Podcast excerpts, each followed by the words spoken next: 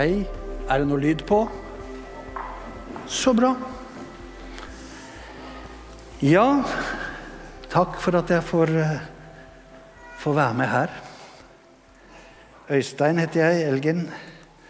Gift med Irene. Har tre barn. Og tre av barnebarna de eh, er så heldige at de er Eller to av dem er her nede nå, og en tror jeg sitter bak, kanskje. Så det er stort.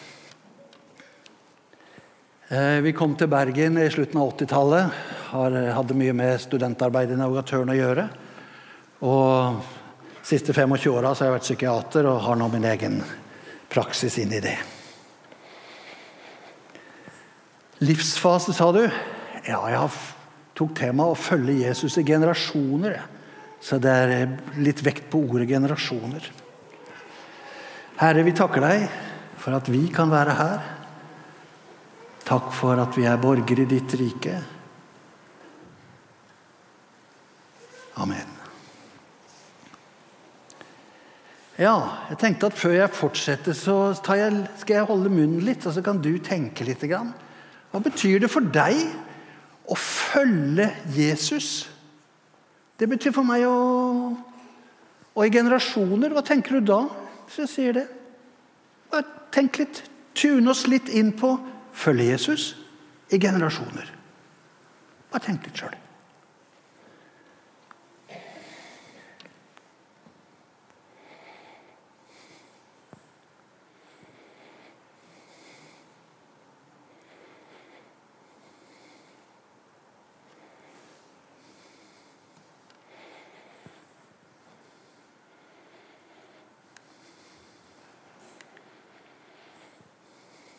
Ja. Å følge Jesus. Et, et uttrykk som Jesus brukte mange ganger, var 'følg meg'. Det han sa det til, var nok litt kjent med han. De hadde nok et inntrykk av hvem er egentlig Jesus. Og så sa han 'følg meg'. En annen gang sa han 'bli med meg hjem'. Det sa han til disse disiplene av Johannes. Kom og se. Bli med meg hjem. Elisin delte for noen søndager siden fra sin bibel sin visdom om å følge Jesus i ulike livsfaser. Og som alltid fra henne så kommer det gullkorn. Og jeg vil gjenta noe av det. Hun lærte oss at når Jesus sa 'følg meg' eller 'bli med hjem', så brukte han det som på gresk heter 'dote' som betyr 'kom nær, kom hit'. Men tre år senere, når Peter satt sammen med Jesus på stranda der ved sjøen, så brukte han et annet uttrykk. Da sa han 'akoloteo', som betyr 'følg meg'. Bli en partikkel i min enhet. Bli en enhet. Vær en enhet med meg. Altså et mye sterkere, tettere dette kan vi lære mye av. Jesu første invitasjon var invitasjonen 'Kom og bli med'. Kom nær. Og når Jesus snakket med Peter på oppstandelse, sa han 'Vær en del av min enhet'. La oss to være ett. Hvor er du og jeg i dag? Er vi der i ja, bli litt kjent med Jesus-fasen? Eller er vi der ja, men vi er ett? Jesus og jeg. Vi vet faktisk ikke helt hvor mange Jesus utfordret med 'dote', 'følg meg, kom nær meg', som egentlig sa nei. Men vi vet navnet på flere som sa ja. For flere av dem vet vi mye av hva det innebar. Jeg skal ta en lite grann av det her. Men først, Det var en gang en samtale mellom Jesus og Mark, har jeg hørt. Hvor de satt og hvor De sto og snakket sammen, og så var det en fattig mann der. Og Mark sa, 'Jesus, han der vil jeg gi en ny frakk.' Ja, Flott det, Marks. Det er bra, det, Karl. Men jeg vil gi frakken en ny mann. En helt annet dybdearbeid enn det noen politiker kan gi oss. Å følge Jesus medfører en ny retning. Noen ganger så Vi er på vei et sted, Og så må vi metanoie. Det betyr å vende om. Og så må vi snu oss med fjeset et annet sted og ryggen til det som er bak. Nytt fokus. Etterfølgeren til Jesus de endret på hva de mente var viktig. Og hva som var verdifullt, det ble endret. Hva de snakket om, det ble endret. Hvem de var sammen med, ble endret. Og sånn kan vi fortsette. Summen er livet fikk et nytt fokus. Fokuset ble Jesus og de spor han satte, som de gikk i. Og så oppdaget de Oi, det er visst noen spor etter meg også, som jeg legger igjen. Som andre kan være med å følge. Han ble deres frelser og herre, altså en de skulle etterligne. Men det skjedde en endring i de. Bibelens største hensikt er jo ikke å øke vår kunnskap, men å endre livet til å gå i Jesus' spor og bli preget av Han, og igjen skape spor etter oss som preger andre. Å følge Jesus er å gå i hans spor og legge nye spor etter deg som preges av ditt liv sammen med Herren. Akkurat det samme gjelder for oss nå. Å elske Gud, vår neste og oss selv. Oppdraget er det samme.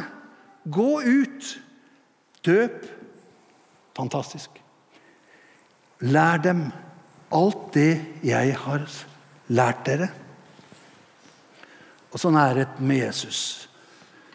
Åpenbaringen, Det er mange vers om dette, men åpenbaringen 3.20 som sier Se, jeg står for døren og banker. Om noen hører min røst og åpner døren, da vil jeg gå inn til han og henne og holde, holde måltid. Og hun og han med meg. Hva er det vi gjør når vi holder måltid? Jo, Vi spiser sammen, og så snakker vi sammen. Det er det vanlige. Så kan vi fortelle Jesus hva som ligger på vårt hjerte, hva, som er vår, hva er det vi trenger. Og så kan han fortelle oss og gi oss det som er fra Guds rike.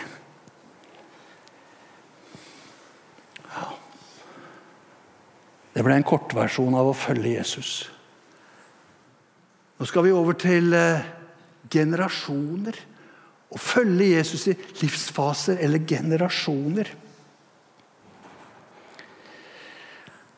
Allerede i Bibelens første kapittel så innfører Gud dette uttrykket. Gud skapte mennesket i sitt bilde. Guds bilde skapte han det. Etter mann og kvinne skapte han det. Og så sa han Gud velsignet dem Vær fruktbare og bli mange. Det må jo ha noe med generasjoner å gjøre. Vær fruktbare og bli mange. Fyll jorden. Alt liv starter med fødsel, når noe skapes. Og alt liv avsluttes en gang. Døden. Og nytt liv, det kommer til. Vi kaller det generasjoner. Nye generasjoner har mødre og fedre. Opp med handa alle her som ikke er født. Ikke sant? Alle er født en gang. Alle er født. Alle her har noen biologiske foreldre. Alle oss var en gang helt hjelpeløse. Vi var helt avhengig av at noen ga oss mat, drikke og kjærlighet. Ellers så ville ikke noen av oss vært her. Og jordas Nå var det åtte milliarder, men det ville ikke vært noen hvis ingen tok seg av oss når vi var små. Det naturlige er en vekst. Kroppslig. Og slik er det også med det åndelige livet. Det er avgjørende del av livet å vokse. Vi kan ikke fortsette livet gjennom som babyer, kan vi vel? Verken kroppslig, mentalt eller åndelig. Nå skal vi se litt på hva Bibelen sier om å følge Jesus i generasjoner. Jeg henta fram noen få bibelvers som sier noe om dette. Først er det fødselen. Vi vet denne lovkyndige mannen som kom til Jesus om natta, og så han, begynte han å legge ut, og så sa Jesus Du, Nikodemus, den som ikke blir født på ny, kan ikke se Guds rike. Det starter med fødselen. Så er det noen flere vers. I 1. Johannes så beskriver forfatteren dere barn. Jeg skriver til dere fordi dere har fått syndene tilgitt for hans navns skyld. Ja, barn, jeg har skrevet til dere fordi dere kjenner far. Dere unge, jeg har skrevet til dere fordi dere er sterke. Jeg skriver til dere fordi dere har seiret over den onde. Dere fedre, jeg skriver til dere fordi dere kjenner Han som er fra begynnelsen.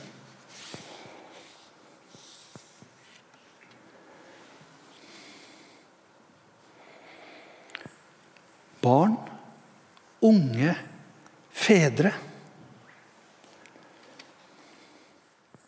Et annet sted, Hebreerne 5, der snakker han om etter så lang tid burde dere selv være lærere, men dere trenger noen som på nytt kan lære dere de første og grunnleggende Guds ord. Dere er blitt slik som trenger melk, ikke fast føde. For den som lever av melk, er spedbarn. Hva er det som har skjedd med melka? Jo, den har vært gjennom noen maver i kua og blitt lett fordøyelig for den lille babyen.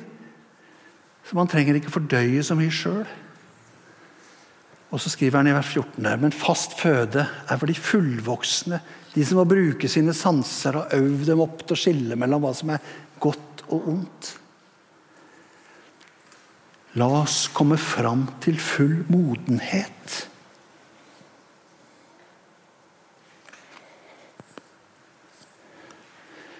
Barn har ikke så lett å forstå. Barn trenger en lærer i Guds ord.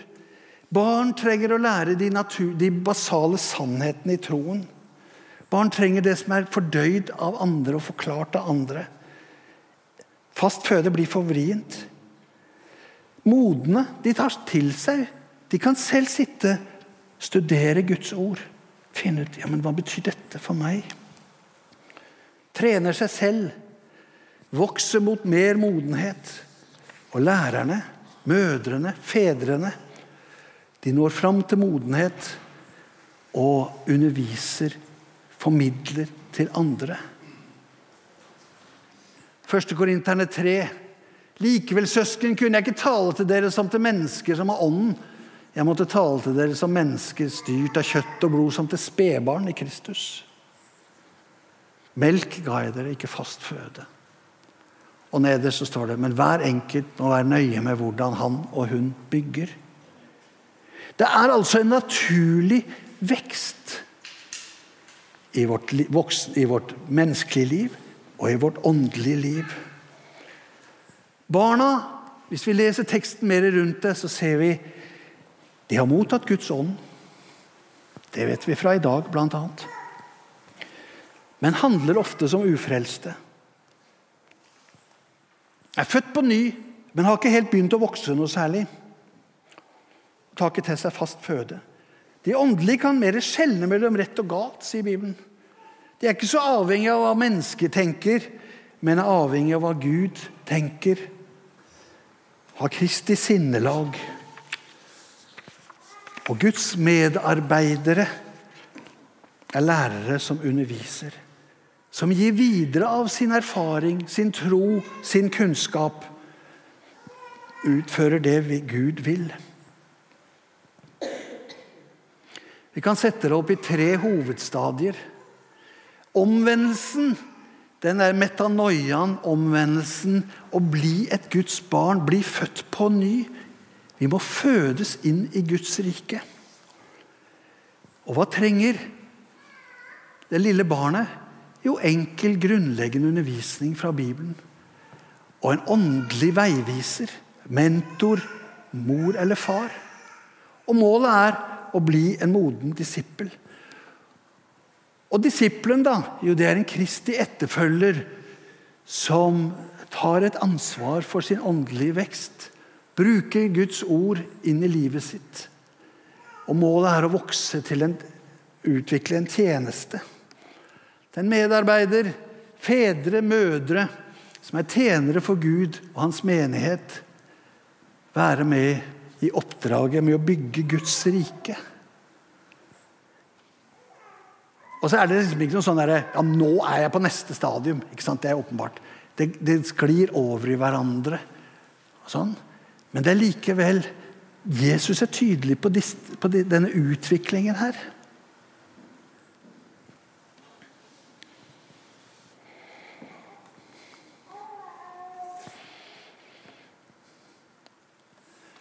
Skal ta dere gjennom en generasjonssirkel. Her har vi den. Vil dere se resten? Jeg håper dere sier ja nå. Det starter med den nyfødte. Den nyfødte kristne, født inn i Guds rike.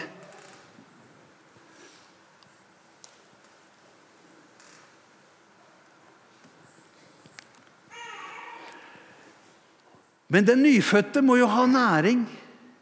Må grunnfestes av en mor, en far, åndelig sett.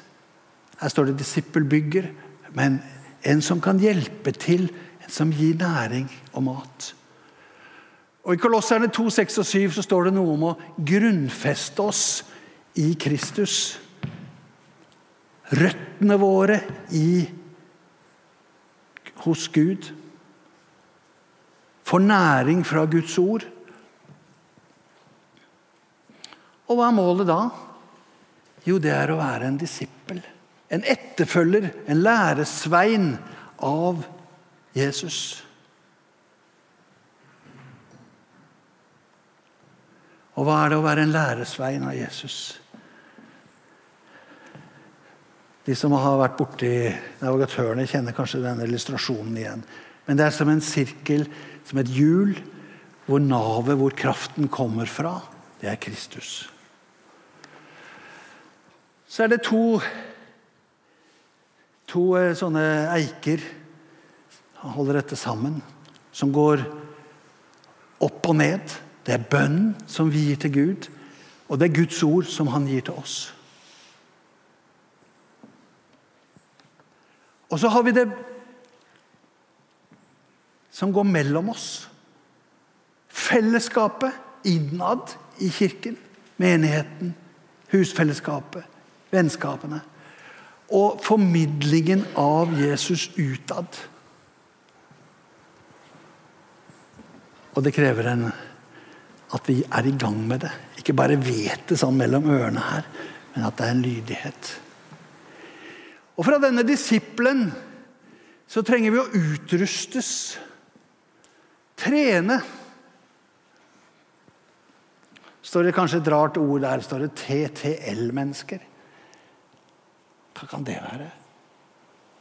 Trofaste. Tilgjengelige og lærevillige. For å komme videre så trenger vi å ha en trofasthet. Vi trenger å være tilgjengelig. Og vi trenger å være lærevillig. Kanskje husker du at Jesus sa en gang Han sto og så utover, og så sa han Høsten er stor, sa han. Men arbeiderne er få. Vet du hva jeg tror han hadde sagt hvis han sto her? Han sa, hadde sagt høsten er stor, men arbeiderne er opptatt. De er opptatt med så masse annet som er så viktig, syns vi.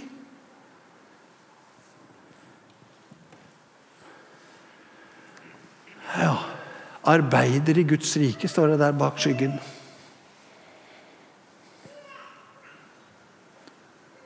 Ser dere veksten? Ser dere livsfasene? Ser dere generasjonen? Gjør oss i stand til en varig tjeneste i å bygge generasjonene. Fokuset på Guds ord inn i livet vårt, og neste generasjon skal være med.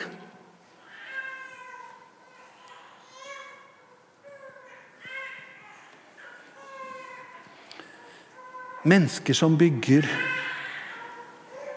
arbeidere.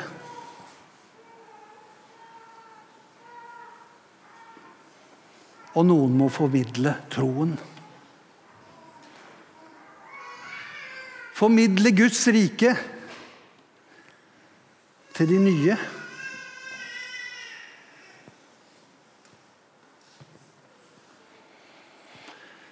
Jeg kom til København jeg var sånn 21, skulle studere medisin. Og Da hadde jeg én bønn. Gud, vis meg noen mennesker som kan gi meg en større forståelse av hvem du er. Jeg hadde lest litt i apostlenes gjerninger og tenkte her er det mye jeg trenger. Og Etter et halvt års tid så traff jeg en gjeng med studenter. og Etter hvert så skjønte jeg at de kalte seg noe sånn navigatørene. Det samme ingenting, men det var nå det det var. Etter noen måneder så gikk jeg til lederen der, og så, og så, og så sa jeg du vet hva, Sier Bibelen noe om eh, sånn forholdet mellom jente og gutt? Det var jo en grunn til at jeg sa det. da. Det var en sånn ung studine der som jeg hadde begynt å se litt ekstra på. Jeg kan informere om at jeg har sett ekstra på henne nå i 40 år. Men den gang så kom jeg til lederen der og sa sier Bibelen noe om det. Ja, altså, skal vi treffes? Ja. Så møttes vi. Og så svarte han på en annen måte enn jeg noen gang før hadde opplevd. For vanligvis sa folk sin mening. Men det gjorde han. Han sa, 'Øystein, la oss slå opp i Guds ord'. Og så delte han hva det sto i Guds ord. Så begynte vi å be sammen. Så begynte vi å lære noen sentrale bibelvers utenat sammen. Og Så møttes vi igjen etter 14 dager, tror jeg det var. Så hadde jeg et nytt spørsmål. Og 14 dager til så hadde jeg et nytt spørsmål. Og Sånn holdt vi på i to og et halvt år. Og Hver gang så åpnet han Bibelen og sa ja, men her, hvis vi leser dette og dette og dette, så får du en forståelse av hva dette handler om. Det var altså ikke hans mening som var viktig, men det var, førte meg inn i Guds ord. Og så glemmer jeg ikke Litt før vi skulle avslutte, fordi han skulle til Asia og jeg skulle til Norge, så spurte jeg sa jeg, Dower, nå har jeg stilt spørsmål i to og et halvt år. Hva vil du snakke om? Unnskyld, nå blir jeg litt rørt, for dette er sterkt for meg. Så viste han meg hvordan Jesus starta med å være sammen med noen mennesker. Ja, han hadde noen taler. Bergpreken og sånn. Viktig nok. Men mesteparten av tiden sin den brukte han på tolv og kanskje bare tre mennesker. Det var måten Jesus starta verdens største bevegelse på. Og så sier Bibelen hva gjorde Peter og noen av de andre? Jo, de gikk til neste generasjon. En av dem het Barnabas, trøstens sønn. Han gikk til en som dere har hørt om, som het Paulus. Og hjalp, trente Paulus. Det var Barnabas. Og Paulus han gikk til mange, mange, mange.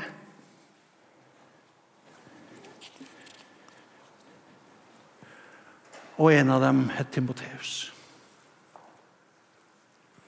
Og så slutter på en måte dette studiet, som jeg veldig gjerne en gang skulle stå her oppe og ta dere med inn i, for det er et dypt og veldig viktig studie for menighetsbygging.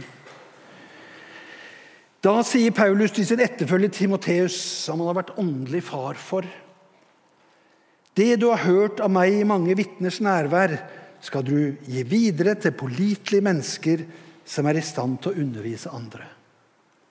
Så så jeg for meg der jeg satt i min bosted i Danmark. Her var det en kjede som var startet med Herren. Det er Peter, det er Barnabas, Paulus, Timoteus og mange, mange andre. Så var det liksom en kjede.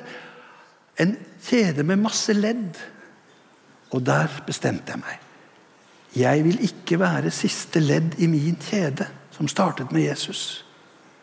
Generasjonen må gå videre. Det har blitt styrende for livet videre. Jeg ville ikke være siste ledd.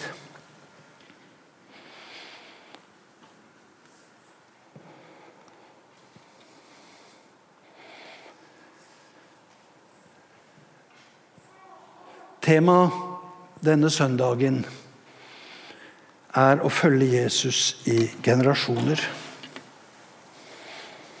Dette er ikke teori, dere. I første Mosbok kapittel 1, vers 28, altså helt, helt i starten av din bibel, der sier Gud Gud velsignet dem og sa Vær fruktbare og bli mange. Fyll jorden og legg den under dere. Fyll jorden med mennesker som er Jesu disipler. Som er Guds barn i Guds rike. Etterfølgere av Herren. Hvor mange åndelige generasjoner har gått fra Jesus til, til oss nå? Noen har gitt deg de gode nyhetene om Jesus. Noen har plantet troen inn i deg, inn i dine tanker. Du og jeg var en gang nyfødte. Vi var en gang ungdom. Vi hørte om et flott beskrivelse herfra fra noe viktig ungdomsarbeid. Og vi vet at nede er barna. Det er jo nye generasjoner, dere. Men noen må fø.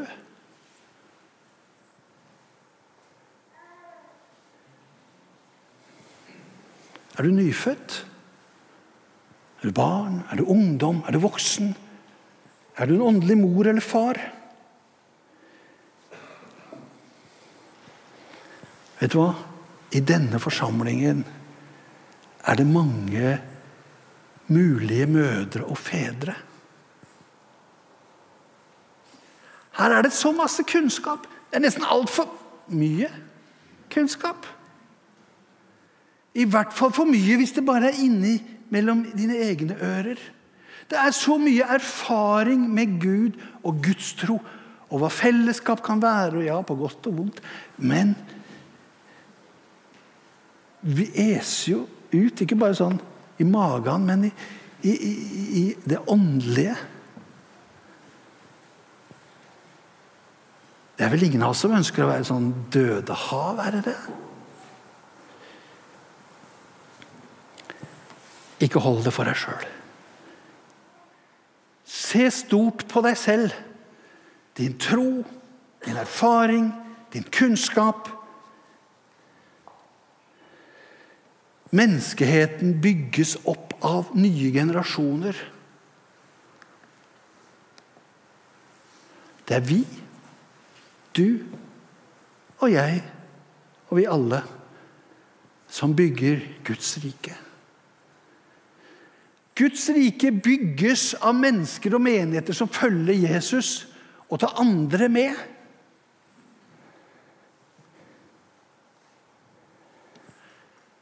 Uten mødre og fedre så blir det jo ingen født. Hvor mange ufødte er det rundt omkring? Jeg skal ikke legge noe sånn skyldsbelastning på oss. Men noen må jo være med å få livet fram. Og det er mødrene og fedrene. Og hvor mange nyfødte dør fordi de ikke får den tilpassa næringen og kjærligheten, omsorg, tilgivelsen. Dette er faktisk ganske alvorlig.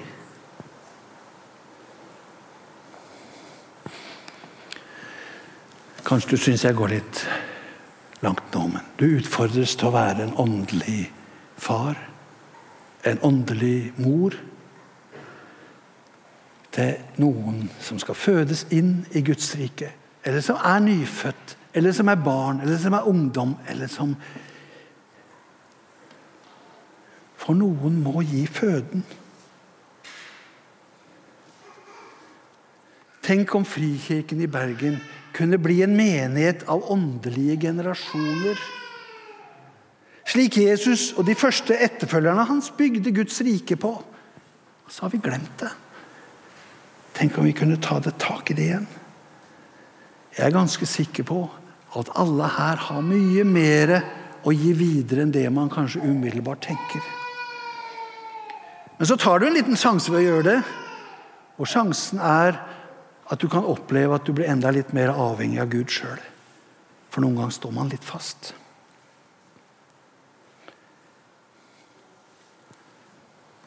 At det er du som trenger veksten. Du som trenger fellesskapet og noen å dele med. Vil du være med og bygge en ny generasjon?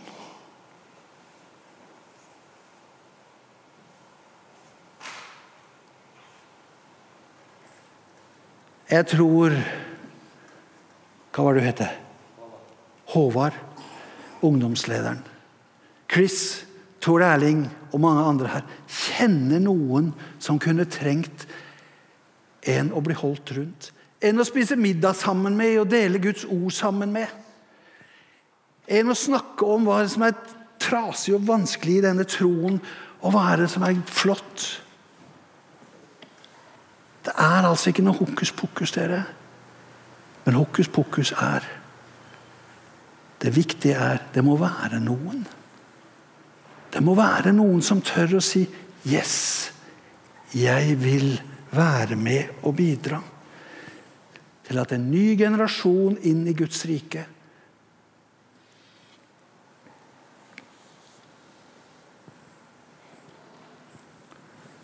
Nå skal du få lov til å tenke litt.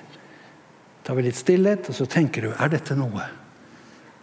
Og ikke tenk at det må liksom være en forferdelig stor og vanskelig sak. Men det kan være ett menneske, to, som du kan være med å bidra med. Til å bli, selv bli en gang en åndelig mor eller far.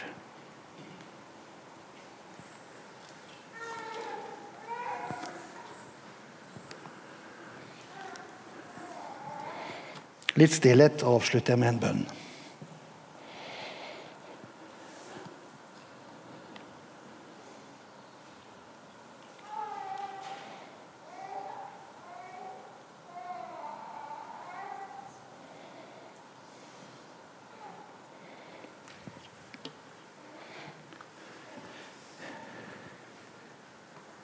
Himmelske Far.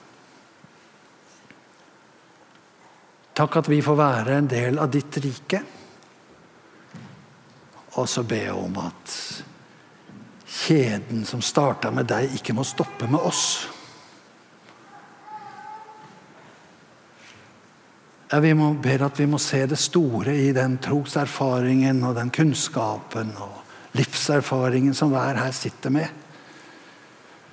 Og ikke tenke at 'nei, men jeg er ikke god nok'. Jo da, hjelp oss til å se du kaller hver og enkelt til å gi videre. Nye generasjoner, nye mennesker inn i ditt rike. Takk at du tar imot oss akkurat som vi er. Akkurat som det vi har av og det vi syns er lett og vanskelig og så er det den måten du bygger Guds rike på. Gjennom mennesket som formidler sin tro til andre. Amen.